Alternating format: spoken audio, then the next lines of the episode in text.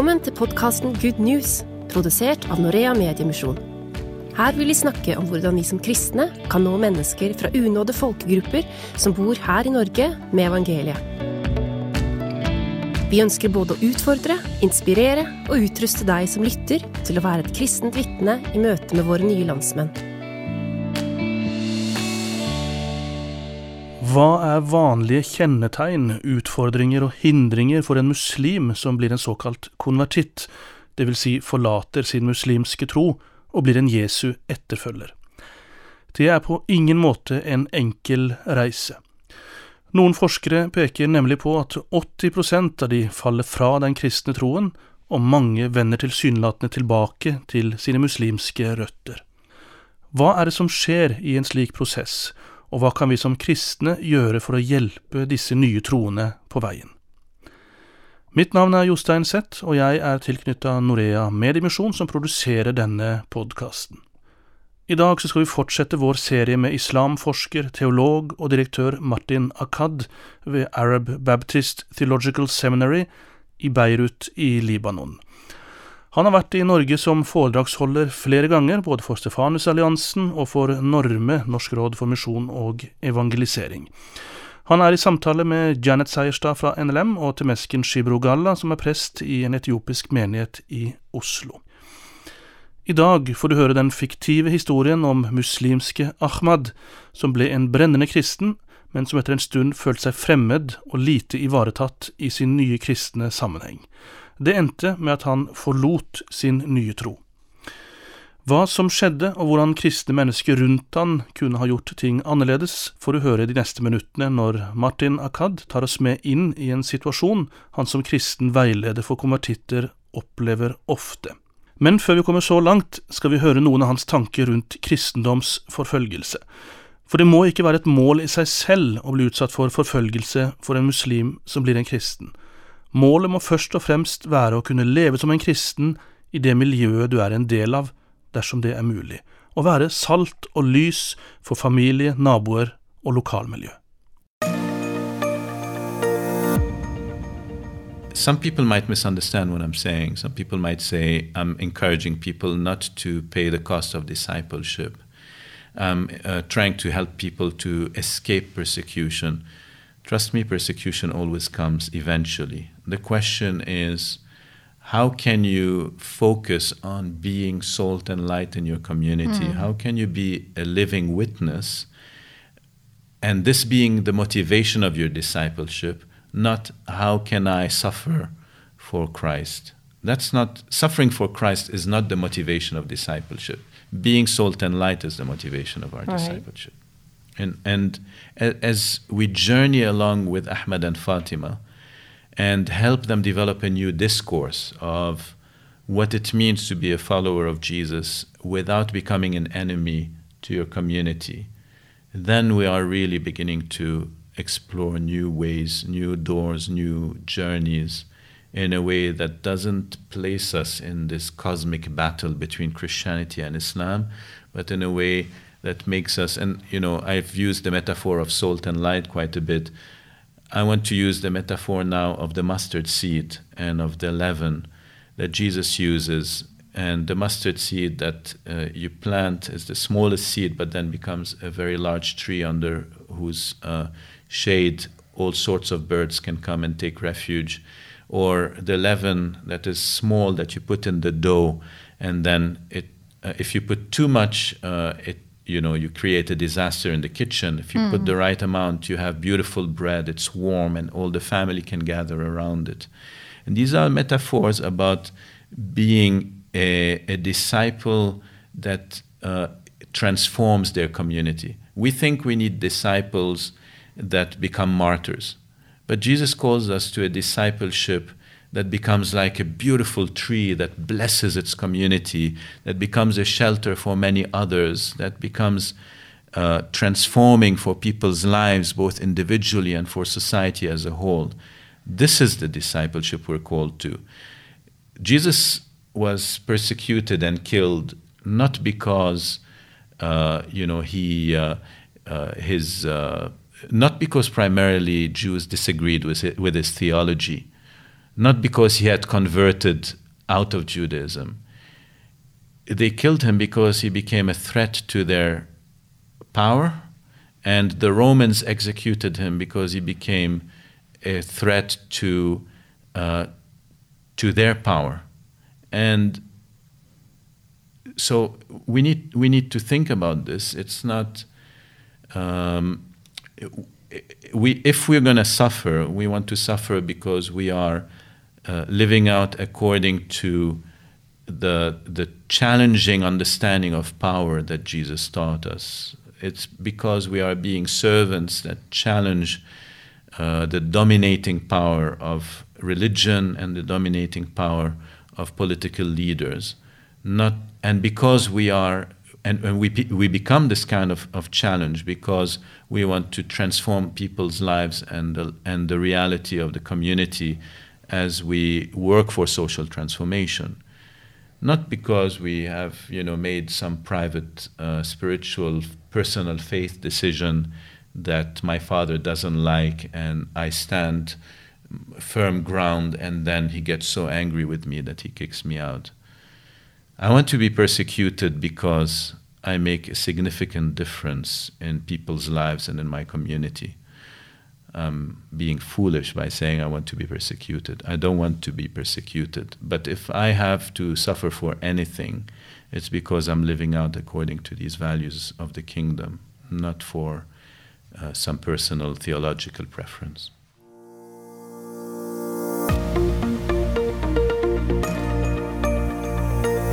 Du lytter til podkasten Good News fra Norea Mediemisjon. The challenges are great, and we, you know, we talked about some of the cross-cultural challenges. But let me reflect for a moment about the typical journey of a of uh, the convert from Islam to Christianity. Again, I'm choosing my words on purpose, uh, using those uh, very uh, almost aggressive terms: conversion from one religion to the other. And traditionally, you know, let's suppose there's uh, this guy called Ahmed. Uh, we'll call him Ahmed, and uh, he uh, he is an engineer and he's working in a in a workplace. A very ethical, moral guy. Stops for his noon prayers every day, and he has a friend whose name is John, and he's a Christian. Should have chosen a more Middle Eastern name. Uh, so um, and uh, he uh, they develop a friendship. One day, John invites Ahmad to church, and uh, and uh, there's you know nice contemporary worship, and those are two young men let's say, you know, they live in Lebanon, so they're kind of hip and connected with the West, both of them. But they're Christian and Muslim, clearly and uh, they uh, they go to that uh, uh meeting together, and uh, Ahmed listens. Uh, you know, he he's he likes the music and the worship, and he hears a good sermon that's biblical, attractive, charismatic speaker. And uh, at the end of the service, uh, he uh, there's um, you know the pastor says, "Well, who would like to give their life to Jesus?" And Ahmed says, "Well, you know," he walks forward and he decides to uh, give his life to Jesus. And uh, John uh, is so happy. He saw his friend um, come forward and give give his life to Jesus they celebrate and after the service you know he gathers all the young people introduces them to ahmad they welcome him they tell him how happy they are that he has become a christian. And uh, and uh, uh, he introduces him to the pastor and let's say the, the pastor's name is uh, henry. No no not henry nabil nabil. He was lebanese. And um, and then um, they go on, and uh, it's Monday morning, and they go back to work and they continue their life. And uh, Ahmed is excited, and John is excited. And after a few days, Ahmed comes to his friend John and says, I want to go and tell my parents and my family that I've become a Christian. And John is all excited. Yeah, great. You know, you have to go and testify and you have to tell people that you've uh, become a Christian. This is part of our responsibility and are calling to discipleship. So he encourages Ahmad, he, he puts his hand on him, he prays for him, and sends him off to go and preach the gospel to his family. For the next 10 days, uh, John doesn't hear anything about Ahmad anymore. Ahmad, as if, has dropped off the face of the earth. And uh, he's very worried. And he's praying with his friends and with the youth at church and with his pastor what has happened to Ahmad. He's not even coming to work. Ten days later, Ahmad shows up at the door of John uh, in the middle of the night, and he's he looks terrible. He looks like he hasn't eaten for a long time, and he looks like he's been beat up, and he's crying. And John brings him in and uh, listens to him and and Ahmed explains to him that as he went and evangelized his family, they got extremely angry when he told them that he had become a Christian, and they beat him up and lo- locked him up, and uh, in order to put pressure on him for him to change his mind. And Ahmad uh, managed to escape, and there he is, and he tells John, "Just you need to save me. I don't know what to do." John, of course, is is extremely. Uh, um, upset as well and he doesn't know what to do, but he says, Well, just spend the night here and we'll go to the pastor in the morning. So uh, he offers him shelter for the night. The next day, they go and speak to Pastor Nabil and they tell him about what happens. Nabil picks up the phone, calls his friend, Pastor Henry, in America, and tells him, I have this case of religious persecution. You have to help us. Uh, you know, uh, we don't know what to do. He's going to get killed. Henry has good connections with a, with a lobby organization in the US, and uh, he's able to get a, a, visa in 24 hours. They fly Ahmed out to America, and Ahmed lands there in a completely new culture, new setting. Uh, Henry, uh, the pastor in America, uh, is all excited there's this fresh convert here, and uh, Ahmed is all excited. And for a while, he becomes the hero of that church in America. Pastor Henry takes him with him along on uh, on uh, speaking tours, and he asks him to say his uh, his uh, to tell his testimony, and uh, and they're they're going around, and his he's this heroic man who has uh, faced persecution and has suffered for his faith, and that's uh, you know everyone finds that very exciting. Uh, and uh, Ahmad, of course, uh, requests to be baptized, uh, and he gets baptized. They give him a new name, and now his name is Peter. And so Peter goes around and gives his testimony about how he and uh, some of the words he uses, you know, is I was in the darkness of Islam, and then uh, I became, I came to the light of truth, and uh, all of the all evil's gates opened and uh, against me, and uh, and began to uh, to want to harm me, and but I was rescued from the kingdom of darkness into the kingdom of light, and and you know this is his wonderful testimony and everyone's uh, you know lives are being changed and all of that. One day after a while ahmed falls in love with an american girl and she's blonde and she has blue eyes and she uh, so his heart is really becomes all soft for her. And uh, he's uh, he goes to Pastor Henry and says, I want to marry this girl. And Pastor Henry is yeah, all excited as well. And he says, Yeah, let's go and let's. Uh, let's uh, I'll introduce I'll help you introduce uh, get introduced to her family and so on and they go to the father of this young uh, young girl and uh, and when the father realizes that this is an Arab man and a Muslim man and who's coming to marry his daughter. And he doesn't see the Christian, he doesn't see the follower of Jesus, he sees a man from another culture, from another religion, and he says, Absolutely no way, I will, uh, over my dead body. Ahmad Peter is, uh, has the shock of his life uh, culture shock, emotional shock, existential shock, and he goes into depression and gets away from the church, and nobody hears from him again. Are you depressed yet? I'm very depressed.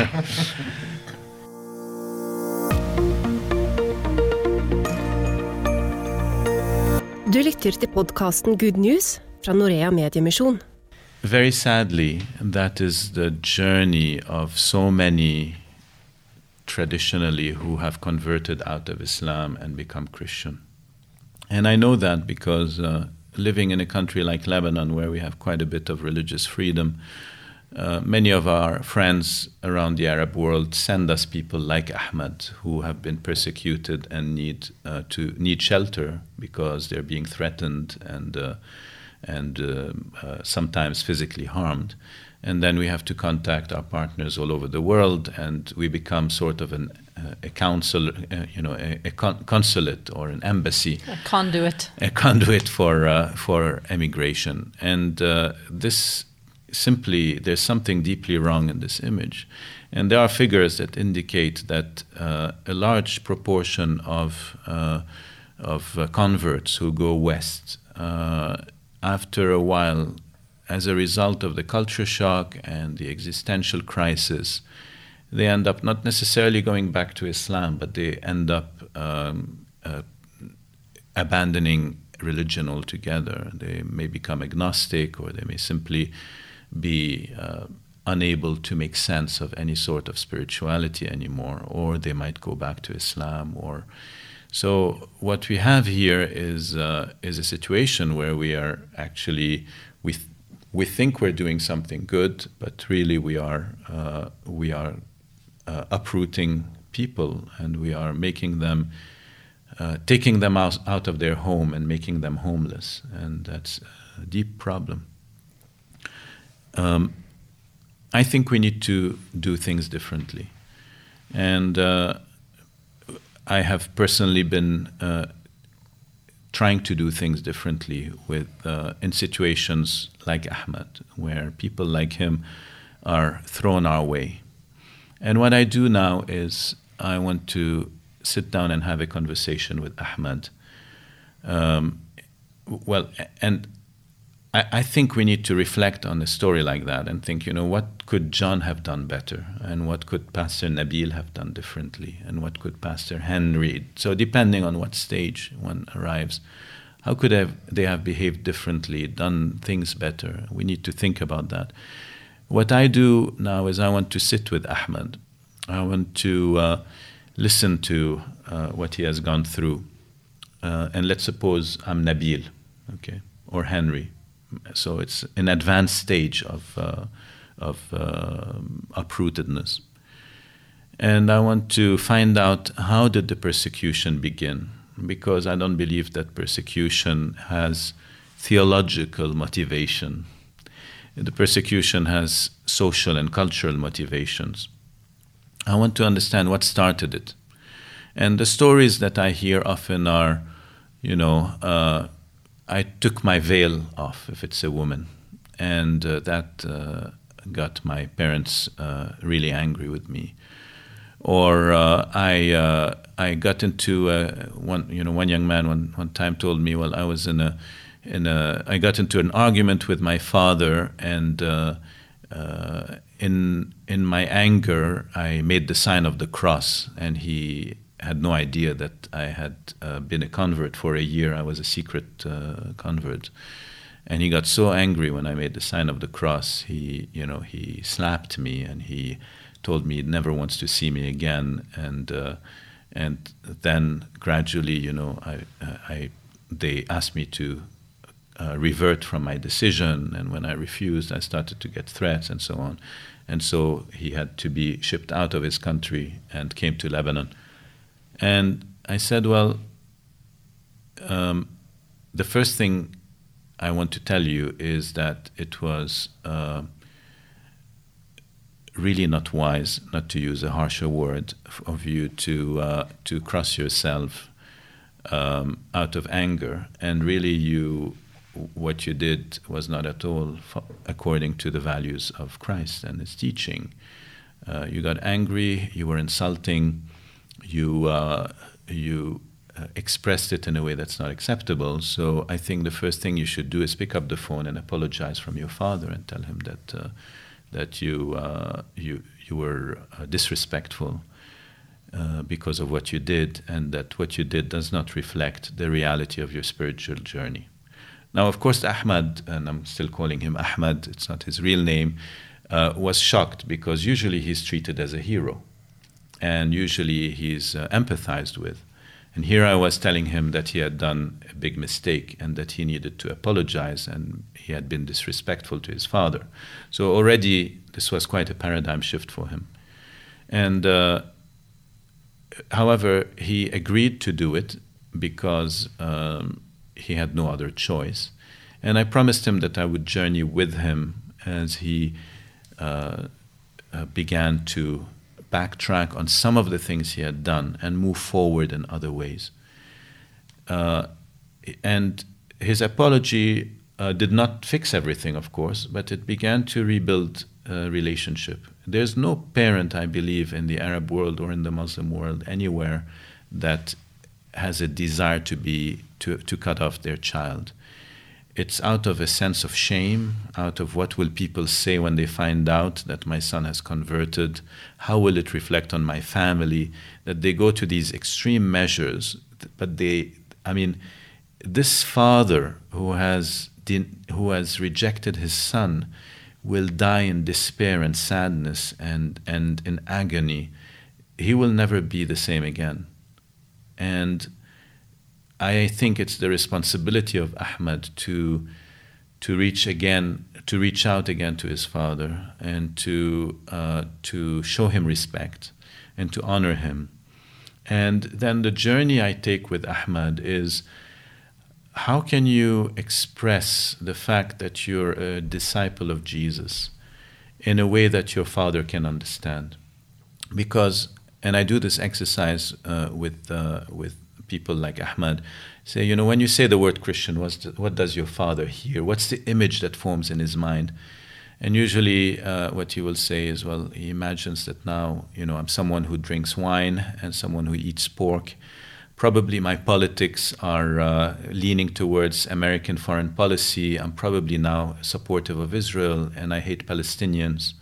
And if it's a girl, if it's Fatima, let's say, you know, she'll say they think that now my morals are uh, are going uh, going down. Uh, that uh, the removal of the of the veil means that I'm now morally loose and uh, sexually open. Mm. And uh, and I say, okay, well, how does that fit with the fact that you become a follower of Jesus? And they say it, it has nothing to do with it. I say clearly we have a communication issue here. So how are you going to express uh, to your father or to your mother or a member of your family that you've become a disciple of Jesus without ever using this word Christian that conveys all of these negative images in their mind. To tell you the truth, this is a paradigm shift for many, like Ahmad and Fatima. Uh, for them suddenly to realize that perhaps there is the possibility that they would rebuild a connection with their family Perhaps there's a way that they could express the fact that they're a disciple of Jesus in a way that doesn't make them come out as traitors to the nation. And suddenly the smile come back, comes back on their face, and suddenly they see the possibility and the promise of a different future. I think this is very uh, challenging to us.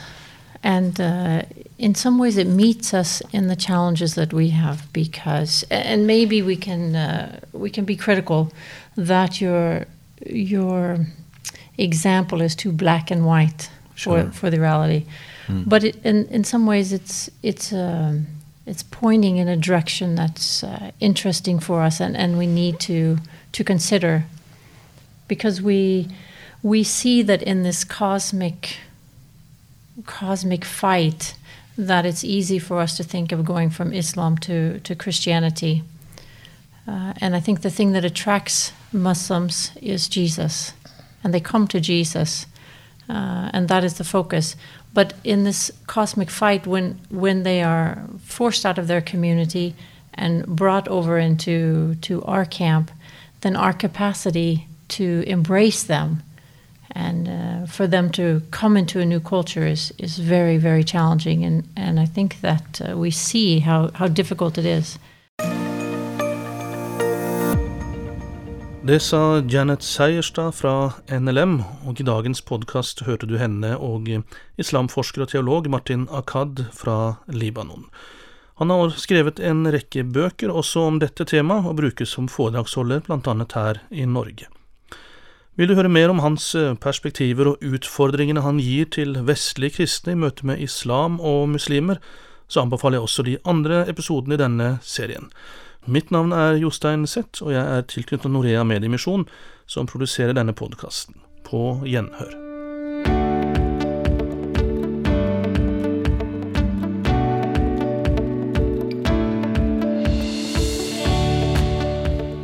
Du har lyttet til podkasten Good News fra Norea Mediemisjon. Ta gjerne kontakt med oss om du har spørsmål eller kommentarer. Send e-post til goodnews krøllalfa norea.no. Altså good news i ett ord. Krøllalfa. Norea.no. Et godt tips er også å laste ned appen Good News Media og kontakte oss gjennom den. Der vil du finne flere episoder i denne podkasten og masse andre ressurser.